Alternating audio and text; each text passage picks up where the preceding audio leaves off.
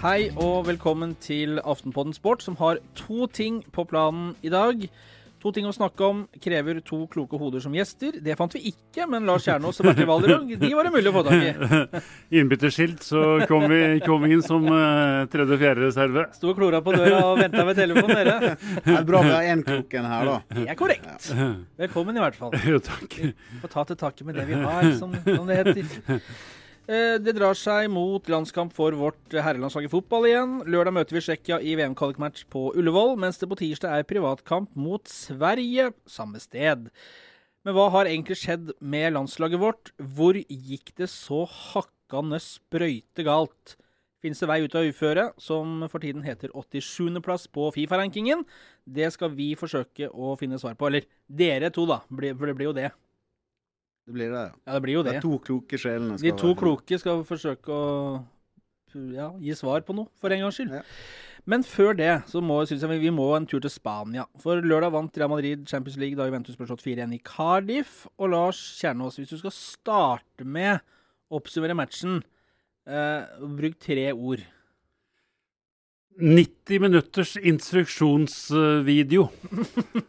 Det var de tre ordene. Jeg synes det var, det var Ja, ja. en helt fantastisk fotballkamp som går an å lære av nesten hvert eneste sekund. Det var noe av det sjukere vi har fått servert av en fotballmatch noensinne, vel.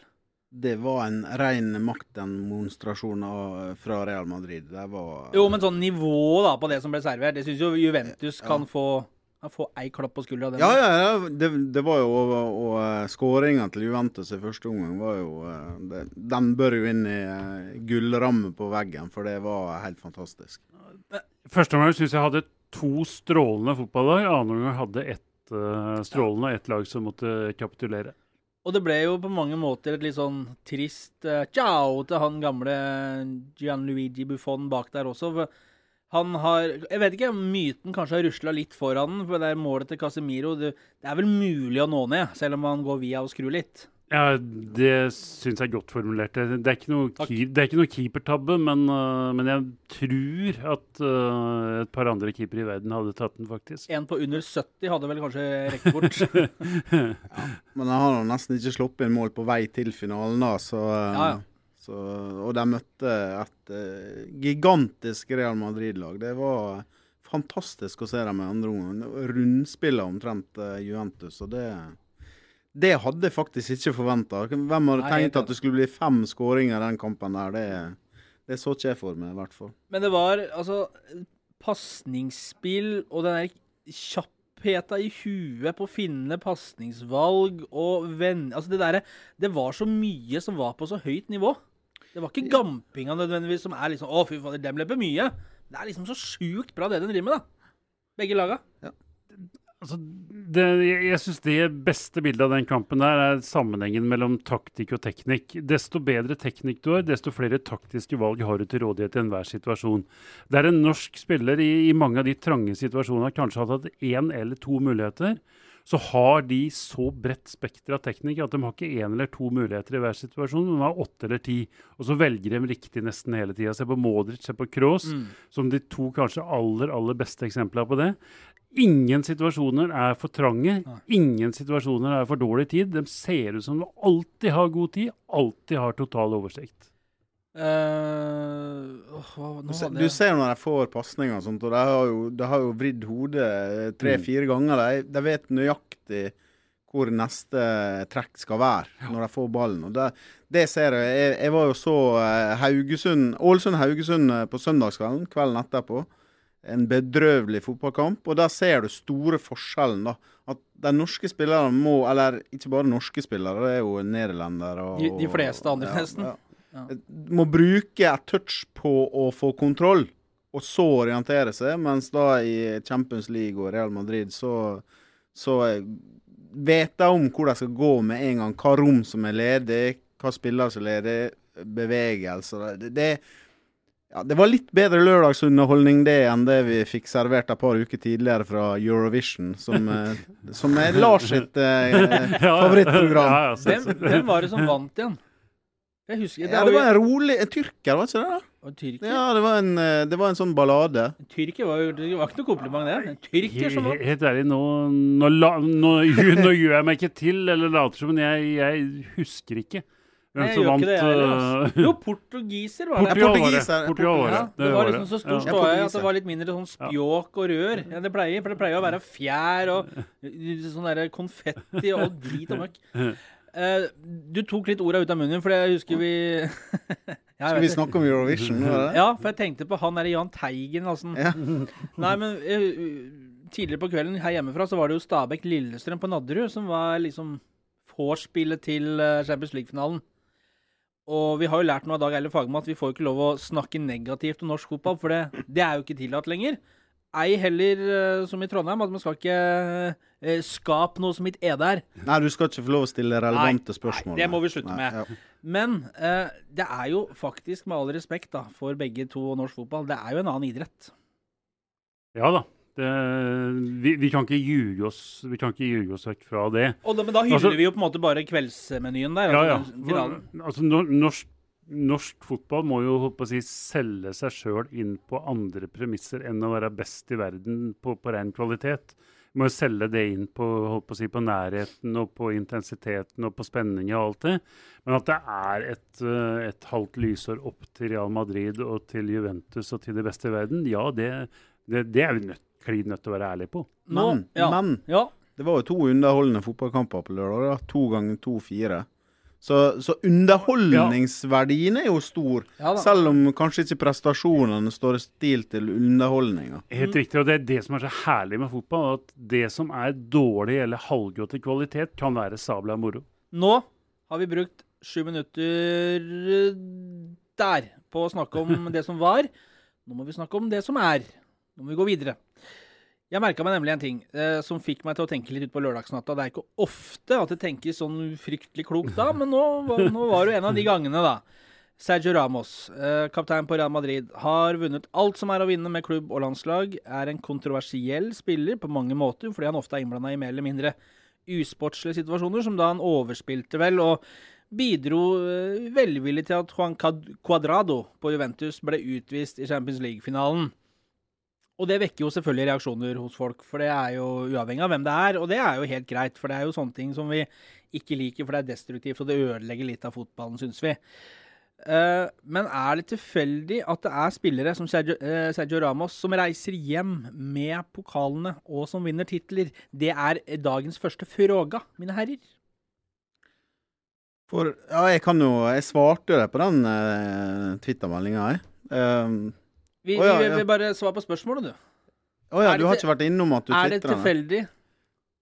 Eh, nei, nei altså, han er jo en vinnerskalle. Han har aggressivitet, han har lidenskap han har vinnervilje. Og han tar en for laget eh, oftere enn mange andre. Men så, eh, så mener jeg at eh, han trenger ikke å være så Nei, nei, nei, men, nei helt enig. Vi, Ja. vi, skal, vi skal komme mer tilbake til det. Men bare sånn, er det tilfeldig at han vinner?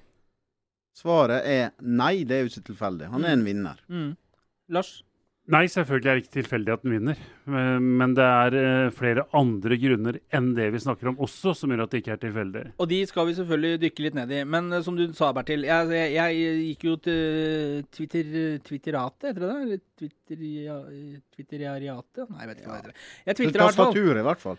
Var på tastaturet med Gleptopølsen og begynte å måke ut der og redigerte for å få pressa inn 140 tegn. Eh, og det er jo ikke ofte det er jeg som får noen reaksjoner når jeg twitrer, Lars, for det er jo du som er Twitterkongen her.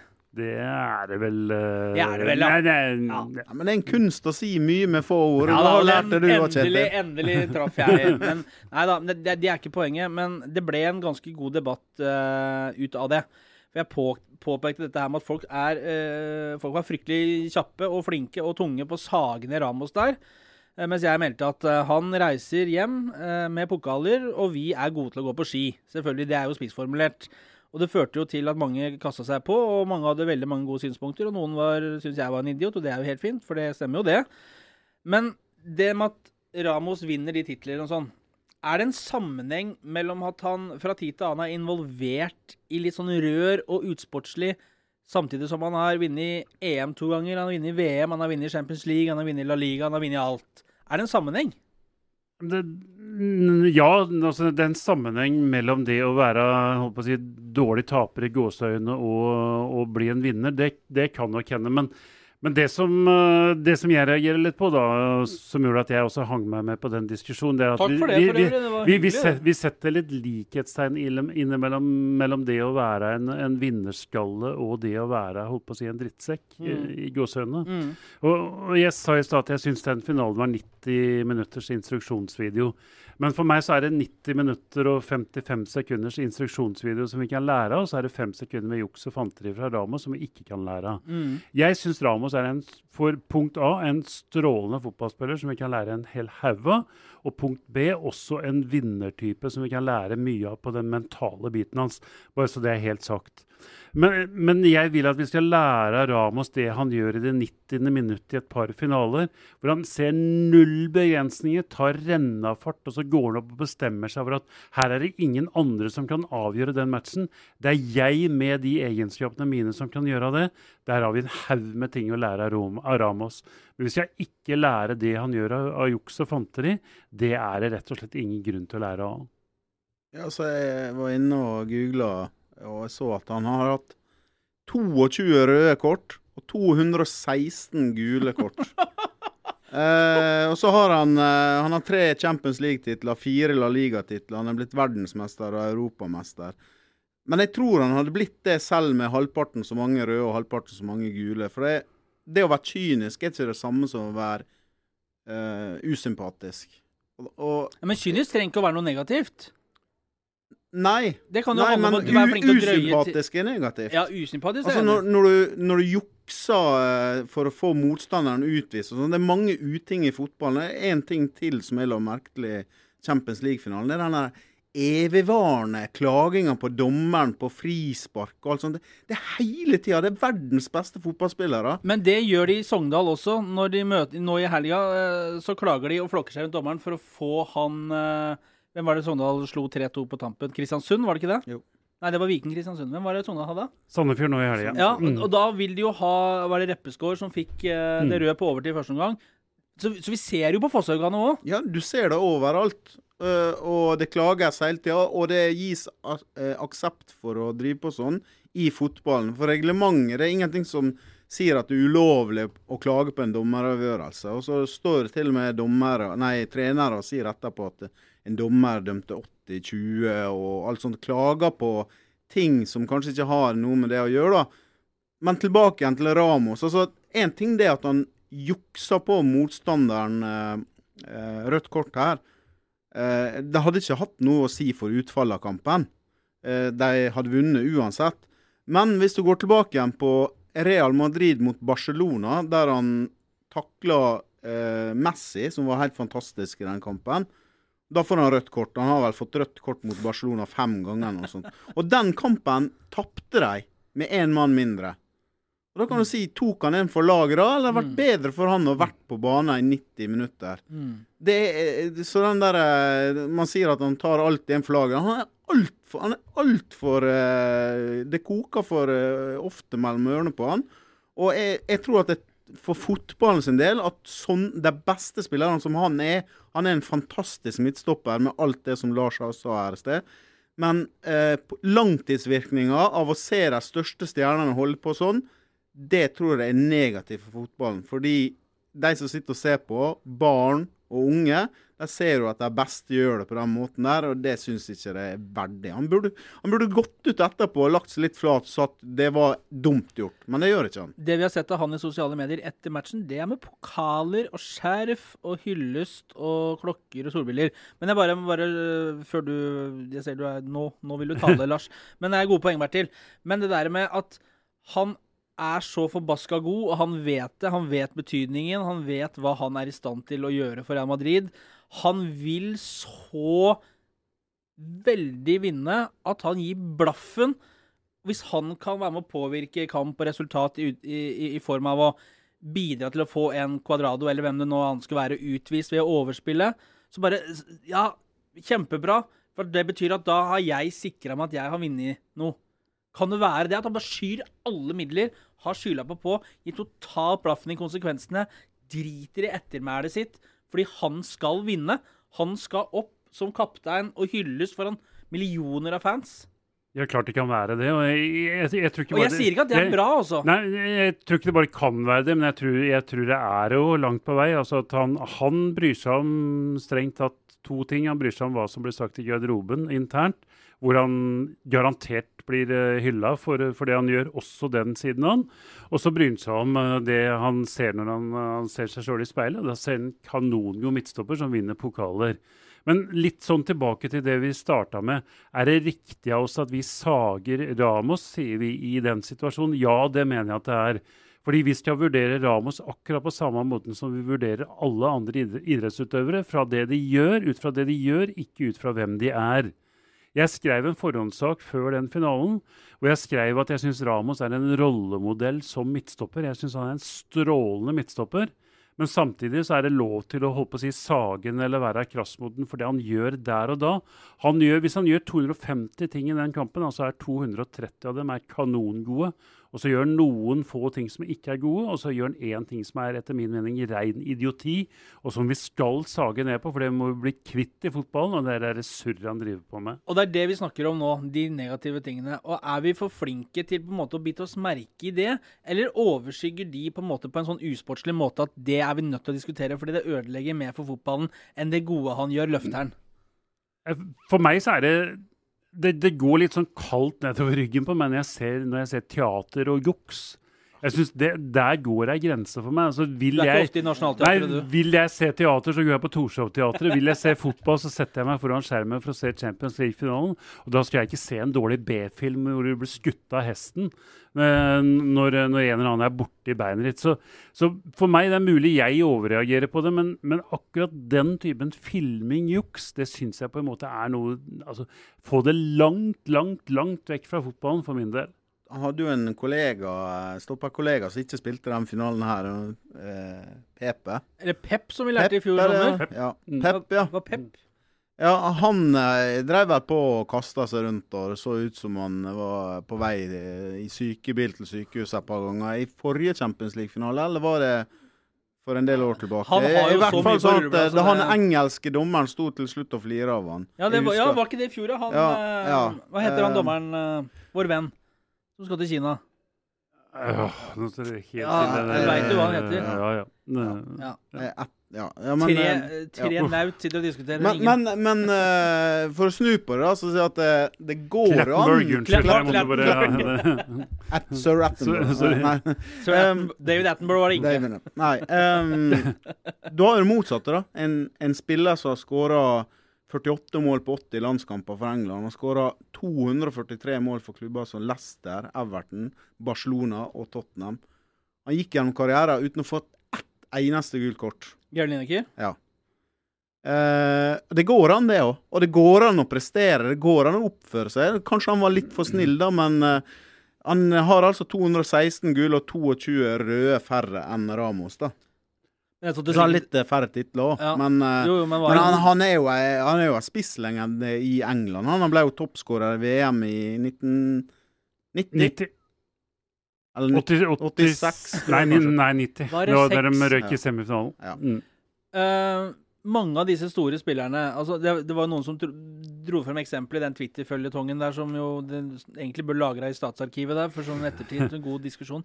Men uh, Puyol, uh, som var tidligere kaptein i Barcelona, eh, han hadde liksom ikke de unotene. Men han hadde, han hadde veldig mange av de derre Hvis folk filma det ble krangling, så var han inne og rydda opp og sånn. Men han hadde jaggu sine ting, han òg. Det ble ikke gitt ved dørene der heller. Og det er mange som har det, Lars.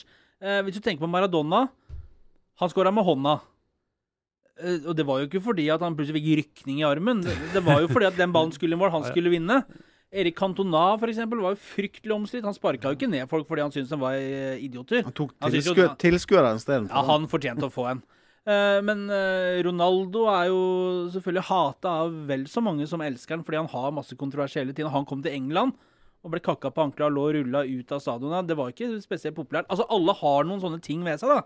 Og fellestrekket er jo at de har jo vunnet et og annet. Ja da.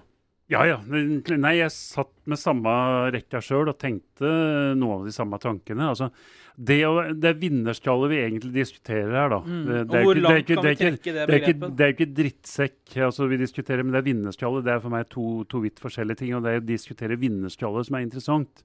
Og så var jeg akkurat innom samme greia sjøl og tenkte hvem er det egentlig som er ordentlig sånn vinnerskalle, som ikke har et eller annet som henger ved seg? Og det er selvfølgelig få.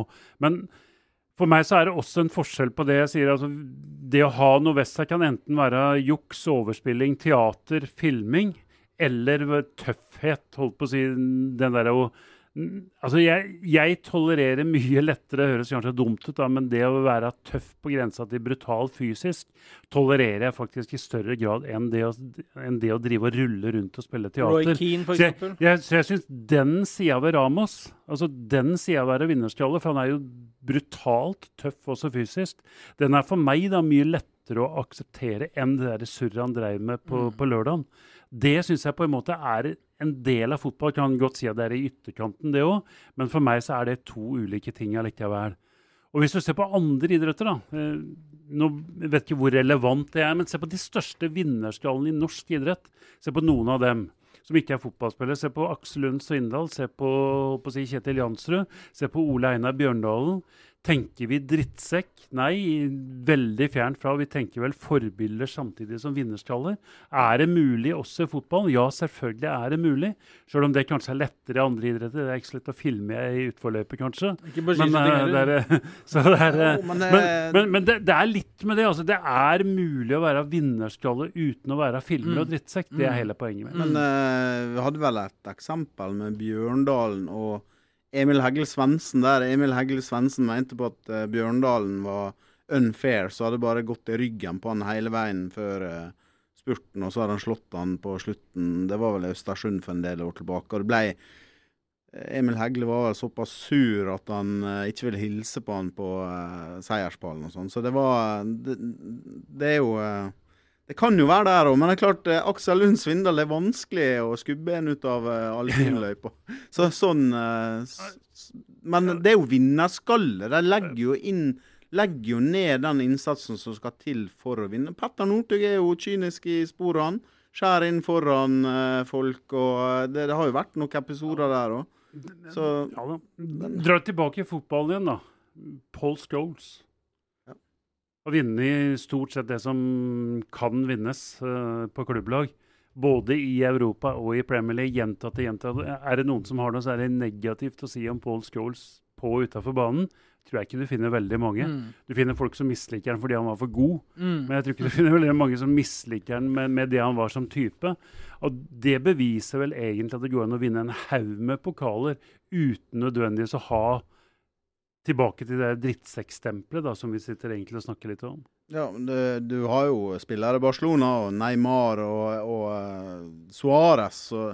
Altså Uansett Ja, så vil aldri Luis Suárez bli en favoritt for meg, for at han jukser, han filmer, og du føler aldri trygg på at uh, hvis han får et straffespark, at det er riktig, for han kanskje har uh, juksa seg til. Og det jeg, jeg kommer aldri til å ha sans for sånne typer. Men jeg, altså, den taklinga Ramos har først, knallhard takling. Og Feio han tar jo ballen. Han kunne jo vært litt uheldig med å være litt for sein, men da gjør når han har skikkelig takling. Det er det der filme, jukse, sånn kyniske greiene for å, for å lure dommeren og sånt, som er dumt, da. Men det der, altså det, uh, Suárez er jo et godt eksempel, for han har jo vært, har vært gjennom sitt. Uh, men det hefter vi oss jo ved. Det glemmer vi jo pokker meg aldri. Og det gjør vi jo ikke heller, fordi det er tenna i eh, armen til Kielini der. Men er det liksom for enkelt å bare sitte og huske "Nei, Han er møkkamann, for han gjorde det. Men han bøtter inn mål, altså en av verdens beste ligaer, og er enormt god. Er det for lett å på en måte kritisere for at noen er litt annerledes enn Ola Glomstulen fra indre bygder i Norge? Ja. Det er jo veldig lett å kritisere. Er Jeg får jo aldri, jeg får aldri rost fra deg, men så er det noe galt, så er det det. Du fikk eh, ros for den uh, rosa skjorta di, da. Idiot. Nei, det mente jeg ikke. Ja, ja er svaret mitt, og selvfølgelig er det for lett. Altså, vi, vi, det kan godt hende at vi henger oss altfor mye opp i de, de to tingene som er negativt, kontra de tolv tingene som er, er, positivt med en film. Men, men, igjen tilbake, gjør vi det riktig, da, og det er det vi må tilstrebe, så evaluerer vi folk bestandig etter det de gjør, ikke det de er, og i hvert fall ikke etter det de har vært. Det er en ganske stor forskjell. Men du, du kan ta eksempel Barcelona. Barcelona snudde 0-4 til 6-1 mot uh, Paris Saint-Germain. Så skåra de helt på slutten og, og, sånt. Og da husker jeg la ut en twittermelding på The Beautiful Game. Det gikk jo mer på uforutsigbarheten med en mm. fotballkamp og, og, alt det fantastiske det innebærer. Eh, og da fikk jeg mye tyn fra folk som sa ja, men han eh, Suárez filma jo seg til straffespark. Det er jo det stikk motsatte av The Beautiful Game. Så du vil alltid finne sånne ting i fotballkamper, enkeltsituasjoner, som folk eh, henges opp i. Uh, og det er, jo, det er, jo, det som er litt uh, fascinerende med fotball. At det, du har resultatet, du har 22 forskjellige spillere, du har situasjoner, du har alltid noe å snakke om. Hva vi skulle ha, ha drevet på med hvis alt hadde vært strømlinjeforma? Ja, det kan, da vi ikke bare sittet og rost dette, vi må ha noe å kritisere. Ja, jeg, det er viktig å ha noe å sage. Men, men, det der med The Beautiful Game altså, eh, jeg, jeg, er jo ikke på ingen måte, selv om mange trodde at jeg syns det var nydelig Det var ikke det jeg mente den, den, tweeten heller, men at, at, eh, det er kult å drive og overspille og filme og sånn, for det er jo destruktivt, og det er ødeleggende, og det er noe forbanna møkk å sitte og se på. Om det er ditt eget lag, eller om det er en nøytral match du bare skal kose deg med. Det er alle enige om. Mm. Men i The Beautiful Game, uh, som jeg er helt enig i, det trenger ikke å være at det beste laget vinner, eller de snilleste gutta vinner. Men det er jo så mange ingredienser du legger oppi en pott. Du har 22 uh, eh, spillere, du har 22 forskjellige skjebner og historier. Du har 22 forskjellige egenskaper. Og du får ut en sluttsum som det er så utrolig mye rart i. Og det hører Selling a little or a lot? Shopify helps you do your thing however you cha-ching. Shopify is the global commerce platform that helps you sell at every stage of your business. From the launch your online shop stage to the first real life store stage, all the way to the did we just hit a million orders stage. Shopify is there to help you grow. Shopify helps you turn browsers into buyers with the internet's best converting checkout. 36% better on average compared to other leading commerce platforms because businesses that grow grow with Shopify. Get a $1 per month trial period at shopify.com/work. shopify.com/work. Selling a little or a lot? Shopify helps you do your thing however you cha-ching. Shopify is the global commerce platform that helps you sell at every stage of your business. From the launch your online shop stage to the first real life store stage, all the way to the did we just hit a million orders stage. Shopify is there to help you grow. Shopify helps you turn browsers into buyers with the internet's best converting checkout. 36% better on average compared to other leading commerce platforms because businesses that grow grow with Shopify. Get a $1 per month trial period at shopify.com/work. shopify.com/work. Say hello to a new era of mental health care. Cerebral is here to help you achieve your mental wellness goals with professional therapy and medication management support. 100% online. You'll experience the all-new Cerebral way, an innovative approach to mental wellness designed around you. You'll get a personalized treatment plan from a therapist, prescriber, or both in a safe and judgment free space. Your cerebral therapist or prescriber will outline a customized plan with clear milestones along the way so you can get to feeling your best. With Cerebral, you're not alone in your mental health journey. We're here to empower you to live a fulfilling life. So take that first step towards a brighter future and sign up today at cerebral.com slash podcast and use code ACasts to get 15% off your first month. Offer only valid on monthly plans. Other exclusions may apply. Offer ends July 31st, 2024. See site for details. Er jo med. Det har jo vært Folk har jo takla og holdt på og dytta og krangla sånn så lenge det har vært bedrevet idrett. Jo, jeg syns jo det ja, ja. på et sett og vis er noe av sjarmen med det òg, da. Ja, og det vi sitter og snakker om nå, jeg er helt enig. altså Det som kanskje, hvis du skal si med én setning, er grunnen til fotballens enorme popularitet, er jo at dette er mulig for nesten alle mulige typer å bli god. I basket så må du med få unntak være fra to meter og opp. I fotball så kan du være liten og tjukk eller, eller høy og, og tynn. Du kan være lys eller mørk eller hva som helst. Du kan lykkes. I fotball får A4 av og til lov til å bli A3, og det, det er litt av sjarmen med fotball. Eller mye av sjarmen med fotball. Uh, og det er jo her syns jeg diskusjonen er litt sånn på den, altså inn mot det norske herrelandslaget i fotball også, som er våre beste menn. Har vi folk med tilstrekkelig sult og higer etter å, etter å vinne der? Altså Ser vi den samme mentaliteten blant de norske landslagsspillerne som f.eks. hos Sergio Ramos? Det, altså den derre driven etter å øh, ville ofre alt i 90 minutter pluss for å til slutt ende opp som seierherre? Eh, svaret åpenbart ikke.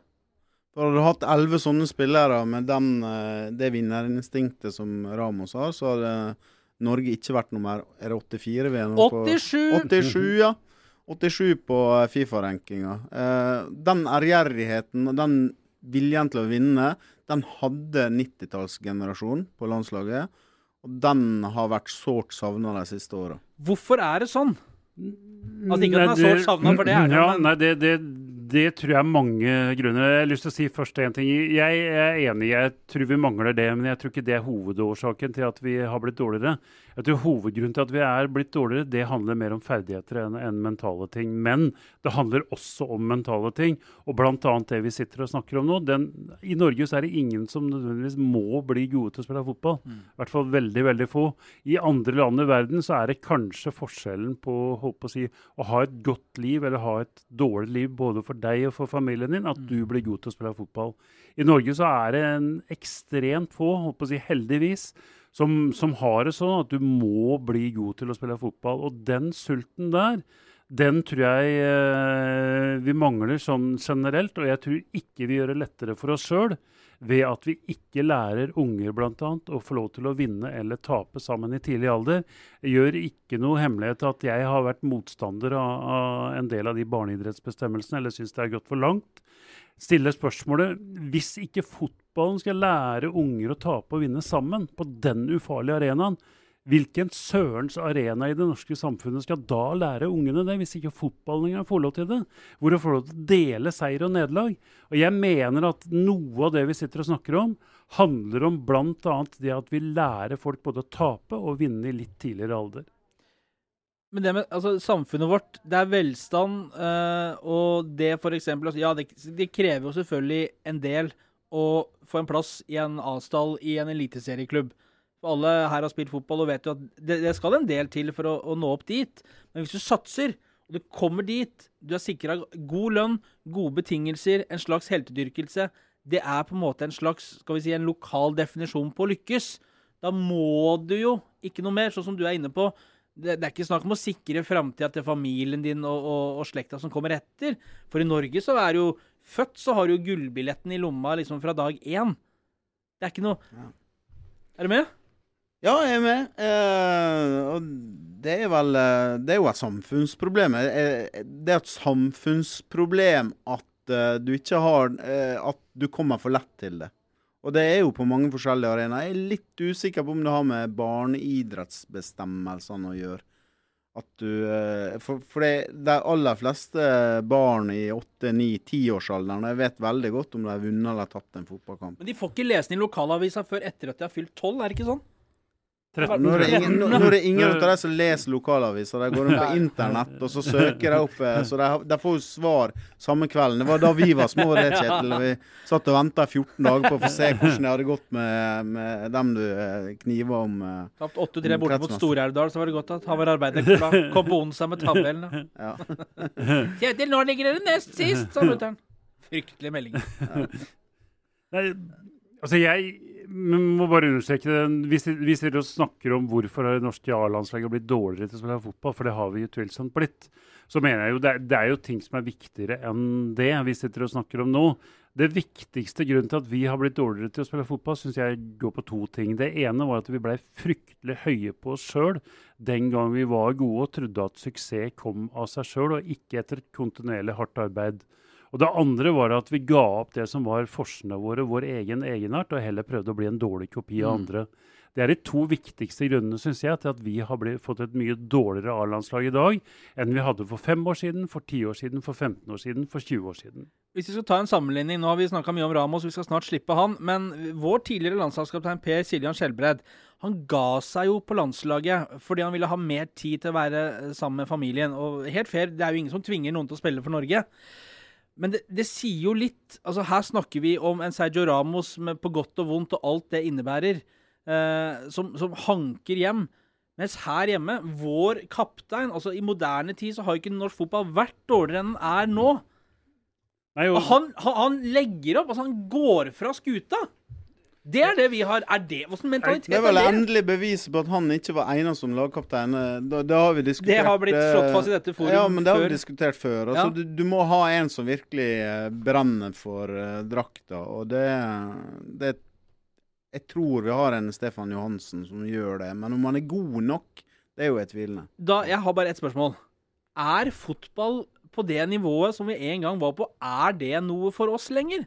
Har vi det som skal til for å bli best? Er det nok sult? Eller skal vi slå oss til ro med at vi er flinke til å gå på ski, og så får andre ta seg av fotballen på det nivået der? Nei, jeg, jeg, jeg håper jo ikke det. Jeg, jeg håper jo at vi har, at vi har altså for Fotball er tre ting. Fotball er ferdighet, fotball er fysisk, eh, fysiske egenskaper, og fotball er mental innstilling. Det ferdighetsmessige handler om én ting, det handler om å trene. Pluss selvfølgelig ha et talent i bånn. Det fysiske handler om én ting, det handler om å trene. Og så er det det mentale. Det handler om en hel haug med andre ting, og det er der jeg er usikker på om vi har mange nok som har de egenskapene. Det er den delen jeg er mest usikker på. Jeg har et eksempel til. Eh, Ramos og Tore Reginiussen. Begge er 31 år. Begge spiller på det beste laget i sitt land. Der er de profiler. Samme posisjon. Begge er landslagsspillere. Hva gjør at den ene går inn i historien som en av de beste forsvarsspillerne i vår tid, mens den andre knapt blir nevnt? For Forutsetningen for å bli god i Norge den er, ganske, den er ganske god. Det er rikt land med ressurser. Det er et yrende idrettsliv hvor fotball er den største, den største aktøren. Så de ytre forutsetningene er jo der. Ikke for å henge ut Tore Giniussen, for han eh, på en måte har vært ute og sånn sett vært på et høyt nivå, han. Men skjønner du poenget? Ja, ja. Hva er det som gjør at den ene blir så forbaska god, og den andre bare blir en i mengden? Fordi det dreier seg om eh, først og fremst ferdigheter. Eh, Tore Reginussen er vel en av de få spillerne i Eliteserien som jeg ser som som hater å tape dueller. Som det ser, du ser det svir for han hvis han har tapt en duell. Som kanskje en del andre spillere ikke har den egenskapen, men han, han har nok det. Men han er jo ikke på samme nivå som Sergio Ramos, og derfor har Sergio Ramos vunnet x antall titler eh, internasjonalt, mens eh, Tore Reginussen ikke har det. Han har jo vært i eh, både Tyskland og Italia og vært mye plaga med skade. Men han hadde nok hatt en litt annen karriere han hvis han hadde eh, vært skade, eh, mer skadefri enn han har vært. Mm. Men ikke på Ramos-nivå, altså. Men han hadde nok eh, kunne gjort seg gjeldende i europeisk fotball, han òg. Hvis vi tar to land, da, Brasil og Argentina, som begge er ganske ålreite til, til å spille fotball, eh, så sier de Brasil så sier de, snakker de om, to, eh, om 20 millioner berøringer på ballen før du har sjanse for å bli god. Altså 20 millioner berøringer på ball må du ha fra du er liten til du kan begynne å snakke om at du kan komme opp på et høyt nivå. I Argentina så snakker de om 10 000 timer. Altså Det er to forskjellige målenheter, men begge to er ganske relevante, syns jeg. Og Hvis vi sier at i Norge så er det kanskje da, eh, holdt på å si Ta et tall, da, mm, bare for å gjøre det enkelt. 1000 stykker som er villige til å, å ha de 10 000 timene, eller 20 millioner berøringer på ballen. Så snakker, eh, I Argentina så er det kanskje holdt på å si eh, 500 000 som er villige til å gå den veien. I Brasil så er det kanskje 5 millioner. Og Da sier det seg sjøl at vi snakker om litt hvorfor de to nasjonene og mange andre blir mye bedre enn oss til å spille fotball. Har vi organisert fotballen i hjel i Norge? På den måten at jeg Ja, jeg tenkte på det. Jeg var i Ålesund på lørdag og eh, gikk ut før eh, sammen med mm, to unger og skulle leke oss litt med fotball på Skarbevik stadion. Og der eh, var det en hel gjeng med afrikanere som var og spilte fotball. Det var ikke én eh, norsk eh, guttunge eller jentunge å se ute og spille fotball da, i timene før Champions League-finalen. For, for 30 år siden, da jeg sprang rundt der, det begynner kanskje å bli 40 år siden, Og det er nok såpass. så var vi ute og spilte til uh, omtrent kickoff. Og det, det Nå så jeg ingen. Det, det kan være tilfeldig, men kan det være sånn at eh, det er bare organisert Man går på organisert trening, og så reiser man hjem.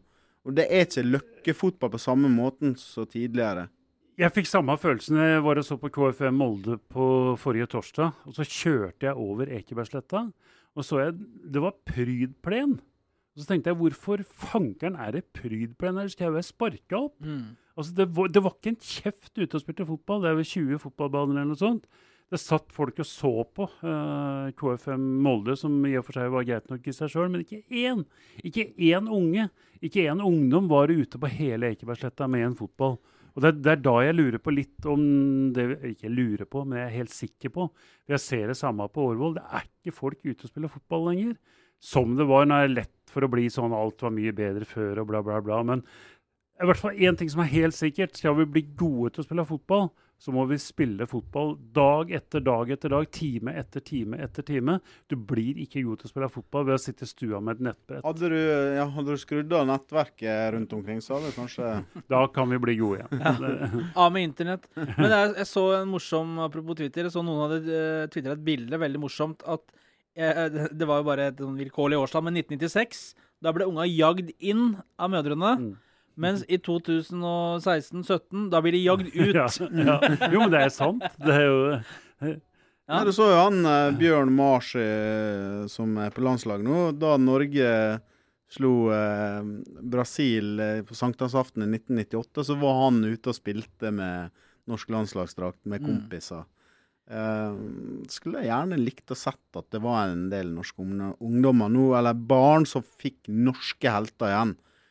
Få en Kjetil Rekdal i gule sko, og, Ja. og så havne på gutterom igjen. da. Jeg, trodde Martin Ødegaard hadde nok det for et par år siden, men nå har den stjerna eh, er ikke på himmelen lenger, men kan komme tilbake. litt usikker på hvor mange som kommer til å strømme ut på gresslettene klokka kvart over ti på lørdagskvelden etter at Norge har spilt mot uh, Tsjekkia. Jeg håper jeg tar feil, men jeg tror ikke vi snakker om tusentall.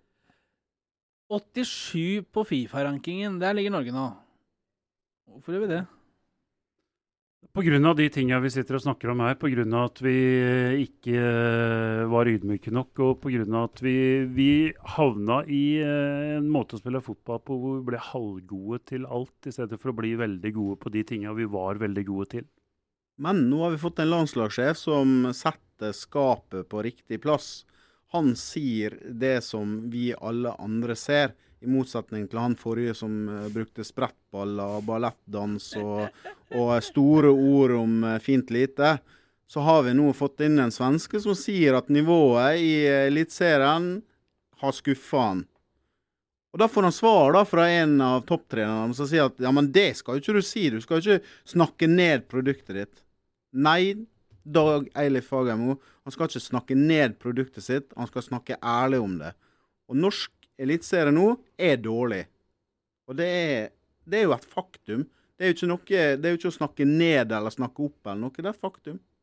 Du, du var jo inne på det for litt siden, Lars, men eh, hvor gikk det galt for Norge? Går det altså sånn I forhold til at vi, vi var bra, og vi, alt annet var latterlig, eh, og, og vi ble høye og mørke og sånn, men sånn, hvor sånn cirka i landskapet og i kalenderen? Ei, på begynnelsen av 2000-tallet hvor det ikke lenger var godt nok at vi vant, men da skulle vi vinne på helt spesielle måter. Og da mener jeg, hvis vi skal peke på én ting, så mener jeg det var da det begynte å gå gærent for norsk fotball. Norsk fotball skulle vært eh, der fortsatt at vi skulle være godt nok om vi vant A-landskamper. Vi skulle gitt blanke beng i hvordan vi vant dem. Det er min ærlige mening når det gjelder toppfotball. Da Per-Mathias Høgmo overtok som landslagssjef etter Drillo i september 2013, så var vi nummer 39 på Fifa-rankingen. Og Jeg gikk inn på Fifa-rankingen i, går og sjekka litt. I snitt, da siden Fifa-rankingen ble etablert, så er Norges plassering nummer 30. Eh, og siden toppårene på 90-tallet så har vi sakte, men sikkert selvfølgelig eh, falt nedover. I 2010 så var vi nummer 12, før det også raste brått nedover igjen. Men sju år etter det så har vi også falt 80 plasser. Altså, det er ganske brutalt, altså. Ja, det, er, det kan ikke være noen andre som har, uh, har ramla tilsvarende i løpet av såpass, tid, såpass, kort tid. Det ville overraske meg. Vi, altså, vi ligger bak nasjoner som det er vanskelig å få charterferie til. du mener at du ikke drar til Færøyene tre uker i, i sommer? Dit, det... Der ser du ikke meg i sommer, Lars. nei, det, det, er, nei det, det, er for dårlig. Det, er ikke noe mer å, å si om det. og det skal vi begynne med en ting, da, rent sånn fotballfaglig, så må vi i hvert fall begynne med at vi igjen må kunne spille forsvarsspill. At vi skal utvikle midtstoppere som blir gode til å stoppe motstanderens angrep i stedet for å starte egne osv. osv. Vi må igjen si at forsvarsspillet i hvert fall er en, en, del av fotballen. Der tror jeg vi kan begynne. Er det der Lagerbäck må starte? Ja, altså ja. jeg tenker lokomotivet må begynne å få resultat igjen.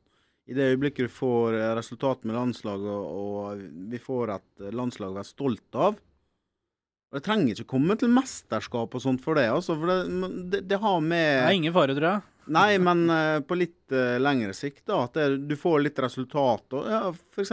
slå Tsjekkia nå, da. Ja, vi må jo, vi, ja, vi må jo begynne å vinne. Ja, det er det, det det, dreier seg om. Og, og, eh, og, jeg tror at vi har den rette landslagssjefen for å få optimaliserte resultater. Så om, om det betyr at du likevel ikke vinner, så tror jeg det er ikke han det skorter på. Det er mer utvalg av spillere. Og så tror jeg, da, for å være litt optimist, det, heldigvis har vi et par grunner til å være det òg. Forrige TV-avtalene så brukte vi pengene våre til å bygge stadioner. Nå, etter den TV-avtalen hvor det ramla ut noen hundre millioner til klubbene, så har det blitt brukt fornuftig. Det har blitt brukt til å ansette en haug med spillerutviklere rundt omkring i toppklubbene som skal utvikle morgendagens uh, fotballspillere. Og det at du får bedre utdanna spillere til å jobbe med spillere lenger ned i aldersgruppene, kommer til å betale seg på, på sikt over de neste åra. Det er jeg helt sikker på. Er, er, det der vi må starte? Ja, ja. I, klubbene, klubbene, i de yngre avdelingene i klubbene? Ja, vi, altså vi, må starte i Norsk toppfotball er uh, fire ting. Det er uh, forbund, det er krets, det er toppklubb og det er breddeklubb. Og når vi nå har ødsla ut noen millioner til toppklubbene, så må toppklubbene være så bevisste og så flinke at de dyrker sin underskog. At de igjen bruker noen av ressursene sine på å sende trenere rundt i breddeklubbene for å utvikle trenere der, som igjen kan utvikle bedre spillere. Altså Vi må begynne med underskogen. Hvis vi ikke begynner med den helt ut i breddeklubbene, så kommer vi til å slite fortsatt i åra som kommer.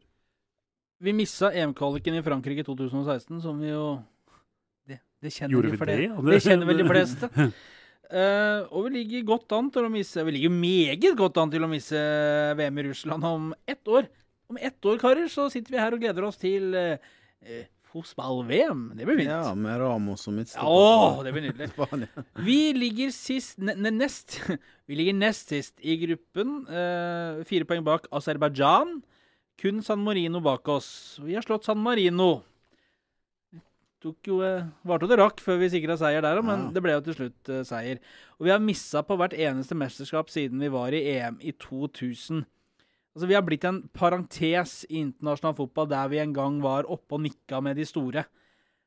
Må vi bare innse at det er litt der vi er, og så får alt annet være en bonus? Eller har vi hatt, har vi hatt kunstig høye forventninger?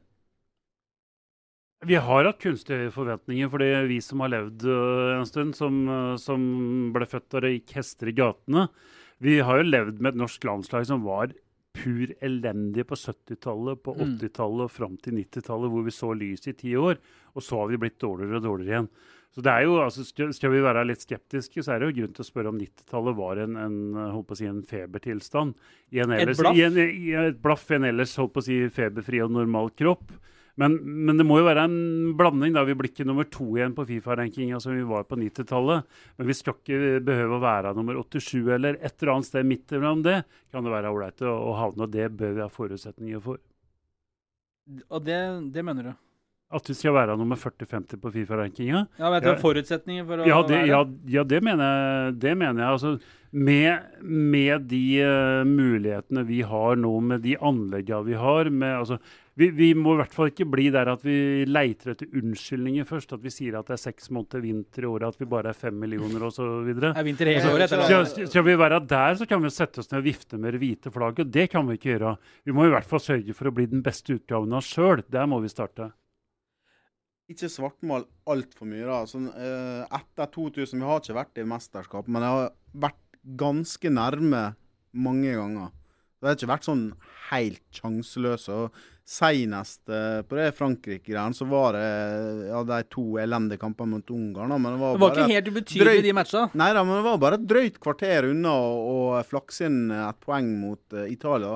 Og da hadde Norge vunnet pulja mot Italia og Kroatia. Og, Og, da, vi, ja. og da hadde nok historien om Per-Mathias Høgmo vært noe helt annet enn det den endte opp med. Så var det, bare- det er litt marginalt, det. ja, og så var vi bare et kvarter unna å spille 1-1 mot San Marino hjemme òg.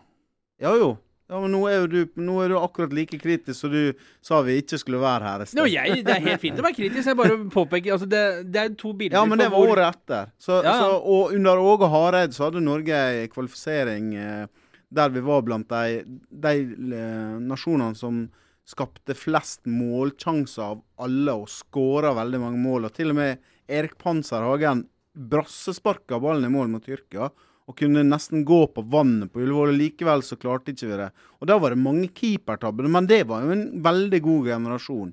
Så det, det har ikke vært sånn Det har ikke vært eh, bekmørkt i disse her åra siden Sem lå på eh, alle fire i Arnhem, altså.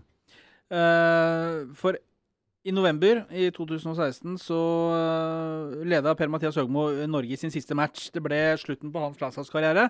Han måtte gå, og de holder vel fortsatt på å rydde ut resten av støtteapparatet hans. Og det har vært enorme utskiftninger, eh, eller enorme, det har vært en del utskiftninger. Det er folk som har gitt seg, eh, og folk som ikke er med lenger fordi de ikke er tatt ut. Og nå setter vi altså vår lit til en midtstopper. Nå kommer det noe musikk. Hva er dette for noe? Hva er det? det er, Jeg, jeg tror det, han ville du skal sette det på. er, det er hint om at det er over. Ja, det, Det pleier å være den der Skype-lyden som kommer og buldrer der, men nå var det outro, som det heter. Da, da får vi kjappe oss litt. Ja. Nei, men, men nå skal vi også sette vår lit til en, en, en midtstopper eh, som ikke har kontrakt nede i Tyskland. Eh, En Stabæk-spiller som har vært god i vår. En ukjent fyr borte i Skottland som selv ikke landslagssjefen har vært og sett live. Og andre spillere i utlandet som tradisjonen tro ikke spiller spesielt regelmessig på klubblagene sine. Der, det er der vi er! Og så Ohi. Omo Joamfo. Han, liksom, han må vi få på landslaget.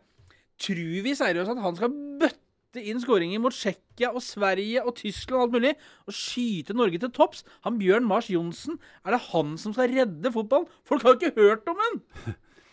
Der er vi!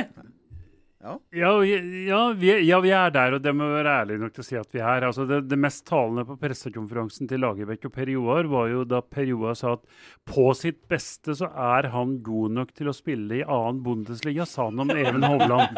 Når han tok ut. Og det, det var, da tenkte jeg akkurat det vi sitter og snakker Ja, det er der vi er. Altså, vi tar ut en midtstopper som landslagstreneren sier at på sitt beste så er han god nok til å spille i annen Bundesliga. Og da greide jeg ikke å la være å tenke tilbake igjen til 1996, 1997, 1998, hvor vi hadde en haug med spillere som spilte fast ikke bare i Premier League, Nei, men, men på topplaga der. På Manchester United, på Liverpool, altså på de på topp fire, topp tre fem. i United. Da vi var, det, da var det nesten ingen afrikanere i Nei da, Nei, det, det, det er er, det, er, det er jo så, men allikevel, da hadde vi de samme spillerne da, vant jo også landskamper. Hadde ikke fem, at- 5-26 spillere i England på Jo, det verste? Jo. Jeg tror vi hadde Jeg bodde flere. der borte til og Ja, med, for å sant. følge Ja, engelsk jeg tror vi hadde flere. Jeg tror Og vi hadde, flira hvis noen skulle spille i Østerrike og ned. Det var bakgårdsklubber! Haha, For noe flass! Skulle spille Vi hadde jo nede! fire spillere i Liverpool og, og tre i Manchester United. Ja. Det er helt sjukt. Nei, fire i Manchester United, da. Ja, Han. Henning Berg Ja, Nevland. Han, Mm. han skåra jo en cupkamp der, Mm. ikke sant? Mm. jo, Ja da. Så Frode Kippe var i Liverpool og greier. spilte vel ikke var En ligacupkamp hadde ikke? Ja, det, Og hvem spilte han stoppa sammen med Stoke? Den er fin. Stoke Skal vi avslutte med den quizen? tidlig 2000-tall der. Um, uh, er det en trener, kanskje? Nei, nordmann. Uh, spiller han stopper med en nordmann i Stoke? Mm. Vet ikke du det? Som kommer fra Årvoll? Er Anders en- Jacobsen. Ja? Ja, Anders, eh, det stemmer det. Ikke han skihopperen? er ikke skihopperen. Nei da. Ja. Anders Jacobsen vann i ene kneet og vannskrekk i det andre. Ja, bare ett uh, siste Bare et siste spørsmål. Uh, disse spillerne uh, Hva tenker de, da? Altså, de veit at det er ganske, ganske små sjanser for sluttspill. Det å spille for Norge er ikke det, er ikke det utstillingsvinduet det en gang var, det. Selv om det sitter folk på Ullevål for å, for å, for å se. Og så raskes det sammen liksom en gjeng, da, eh, hvor det har vært store utskiftninger som skal liksom representere Norge. Hvor lenge gidder Joshua King å spille disse matcha her, når han er så god som han er i England, og liksom eh, tar sjanser og kanskje får seg et kakk ved å møte noen sånne buljongnasjoner? Altså, hva, hva- tenker disse gutta her, da, som representerer Norge? Akkurat nå så har de fått en ny trener, og det tror jeg er energigivende i seg sjøl. Nesten uansett hvem det er. Og jeg tror Lagerbäck er såpass flink at jeg tror han uh, greier å beholde den uh, driven hos dem en god stund. Inntil han i verste fall ikke lykkes, han heller. Da, da blir jo det spørsmålet relevant. Men akkurat nå så tror jeg heldigvis at det er en litt sånn ny energi der. Og hva skulle vi gjort uten trua, Bertil? Når vi drar seg mot kamp på lørdag, vi gleder oss litt til Ullevål i flomlys og alt for Norge, og skriking fra noen overivrige sånne indre banereportere.